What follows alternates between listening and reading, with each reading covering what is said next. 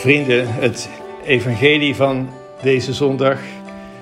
Er lopen twee verhalen door elkaar, zo lijkt het. Het is een soort sandwich. Het gaat over Jairus. Zijn dochtertje is stervende. Het is twaalf jaar. En er intussenin, wat gebeurt er? Een vrouw die al overigens ook twaalf jaar aan bloedvloeien leidt, die benadert Jezus. En dat onderbreekt de zaak. En Jairus zal denken, ja maar zij heeft dit al twaalf jaar en mijn dochtertje is stervende. Wat staat er op het spel eigenlijk in dit evangelie? Het heeft ook alles te maken met de eerste lezing met het boek Leviticus. Rein en onrein. Dat is een centraal thema. Als je kijkt naar het boek Leviticus uit het Oude Testament, daar hebben we het niet vaak over. En dat begrijp ik wel, want wat, wat, waar gaat het over?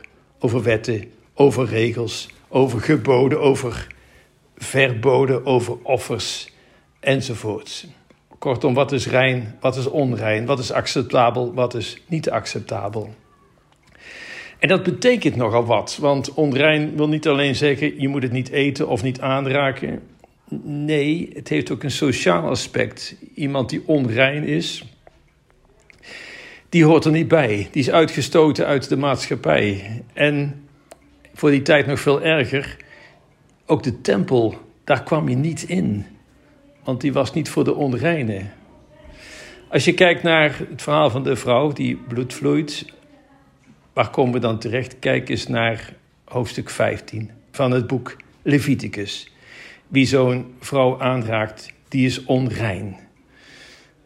Overal wat die vrouw aanraakt, dat is onrein. En iedereen die die vrouw aanraakt, is onrein. En dan ook nog in hoofdstuk 15 van hetzelfde boek Leviticus. Het gaat over Jairus, de dochtertje. Het aanraken van doden, dat maakt iemand ook onrein. In onze ogen klinkt dat, klinkt dat vreemd, hè? onrein, wat is dat toch allemaal? Uh, maar, maar, maar toch, op zich klopt het eigenlijk wel. Maar bepaalde dieren, bepaalde planten, die zijn nu eenmaal niet gezond. Kun je beter van afblijven. In onze tijd is het niet veel anders. Hè? Hoeveel voedsel is niet onrein verklaard? Of het nou plofkippen zijn of vlees waarvoor veel CO2 de lucht in gaat. Um, zijn heel wat dingen waarvan onze tijd zegt: nee, nee, nee, nee, dat moet je niet doen. Je bent een beetje uitgestoten als je rookt, noem maar op. Voorschriften van, van Leviticus. Uh, het bepaalt een beetje ook de identiteit van Israël, het eigene. Dit is wat we doen en dit is wat we niet doen. En dit is wat ons onderscheidt van andere volkeren.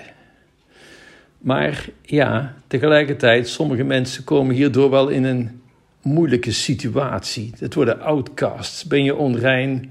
Vergeet het maar. Iedereen blijft bij je uit de buurt. Um, even terug naar het evangelie. Een vrouw. Twaalf jaar leidt ze aan bloedvloeien.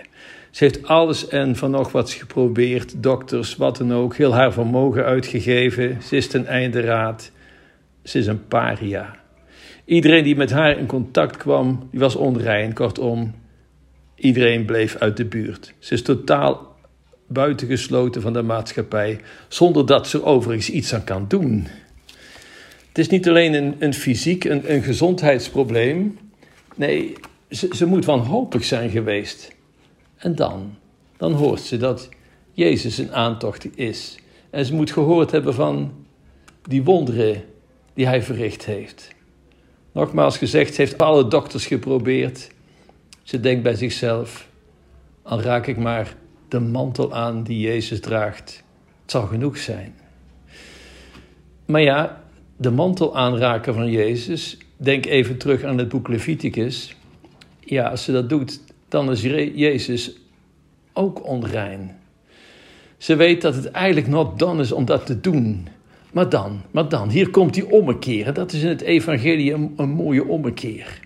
Niet Jezus wordt onrein door de aanraking door die vrouw, maar het is de vrouw die door de aanraking van Jezus rein wordt. Door haar fysiek te genezen, wordt zij genezen. Herstelt op ook alle andere fronten, zo hoort er weer bij. Maar wat nog belangrijker is, is dit. Door Leviticus totaal om te draaien, laat Jezus zien dat reinheid, geestelijke reinheid, niet verkregen wordt door rituelen, maar wat dan wel? Door contact met Jezus, een relatie met Jezus. En dat is het kernpunt van dit evangelie van deze zondag. De identiteit van Israël wordt niets meer bepaald door regels en voorschriften enzovoorts, maar door de relatie met Gods Zoon. Je merkt dat ook elders in het evangelie. Jezus die alle voedsel rein verklaart. Het hele volk wordt geherdefinieerd, waardoor door die band met God. Even terug naar het evangelie, want er speelt natuurlijk nog een ander verhaal, daar begint het mee. Het dochtertje van Jairus is stervende. En Jairus vraagt Jezus hulp. wij, wij, kennen Jezus als de Zoon Gods. Jairus kan dat niet weten in die tijd, maar heeft wel gehoord wat er allemaal gebeurd is. En Jezus zegt, ik ga met je mee. Maar ondertussen speelt dat verhaal met die vrouw van bloedvloeien en Jairus moet denken, ja, ja, zij leidt er al twaalf jaar aan, eh, dat is erg, maar mijn dochter is werkelijk stervende. Maar Jezus gaat eerst met die vrouw in de slag, om het zomaar uit te drukken. En dan vervolgens met Jairus mee. Maar voordat ze ter plaatse zijn, ja, komt het dramatische nieuws. Ze is gestorven. Val Jezus niet meer lastig. En dat moet toch een verschrikking zijn. Jairus die bemerkte dat Jezus zit te talmen, zal, om het zomaar uit te drukken. En dan, ze is gestorven. En dan nog, nog erger, Jezus zegt, nee, ze is niet gestorven, ze slaapt. Ja, en Jairus moet denken, ja, zit hij mij voor de gek te houden? Wat is dit? En ook het volk spot daarmee wat Jezus zegt, ze slaapt. En toch, wat dan? Let op, Jezus neemt haar bij de hand. Hij raakt een dode aan. Oei, denk aan Leviticus. Iedereen is geschokt, want volgens Leviticus is Jezus nu onrein. Hij raakt immers een dode aan. Maar dan die woorden van Jezus. Talita kumi. Talita kumi, meisje. Heel amicaal gezegd, meisje, sta op. Stel je voor dat je daarbij was en het meisje staat op. Ook hier gaat het erom, het boek Leviticus wordt overruled, om het zo maar te zeggen. Zijn aanraking brengt dit meisje tot leven. Niet Jezus wordt onrein, nee, het meisje komt tot leven. En dat is wat het evangelie ook zegt, die identiteit van Israël, maar ook van een nieuwe Israël, dat wil zeggen van de kerk, de onze kerk, die wordt niets bepaald door rituelen, door regels, maar door relatie van de kerk met Hem, met Christus. En dat kun je dan weer vastleggen in voorschriften enzovoorts, maar niet andersom. Weet waar het om gaat, wat hoofdzaken, wat bijzaken zijn.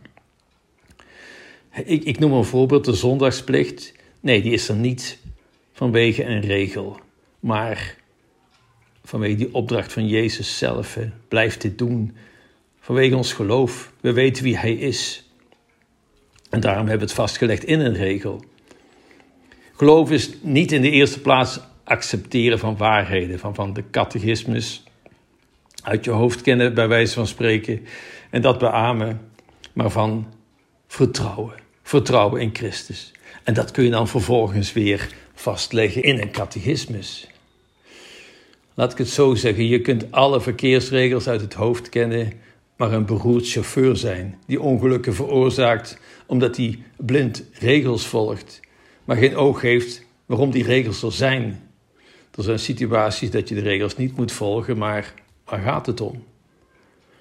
je kunt zo ook de hele catechismus uit je hoofd kennen, maar ten totaal geen oog hebben voor de naaste en je niet werkelijk toevertrouwen aan God. Dat was de bekende kritiek van Jezus aan de schriftgeleerden en de fariseeën. Is die catechisme dan niet belangrijk? Ja, zeker wel, ja, zeker wel. Wat bepaalt ons als kerk? Wat maakt dat u zich christen mag noemen, echt christen? Denk er eens over na.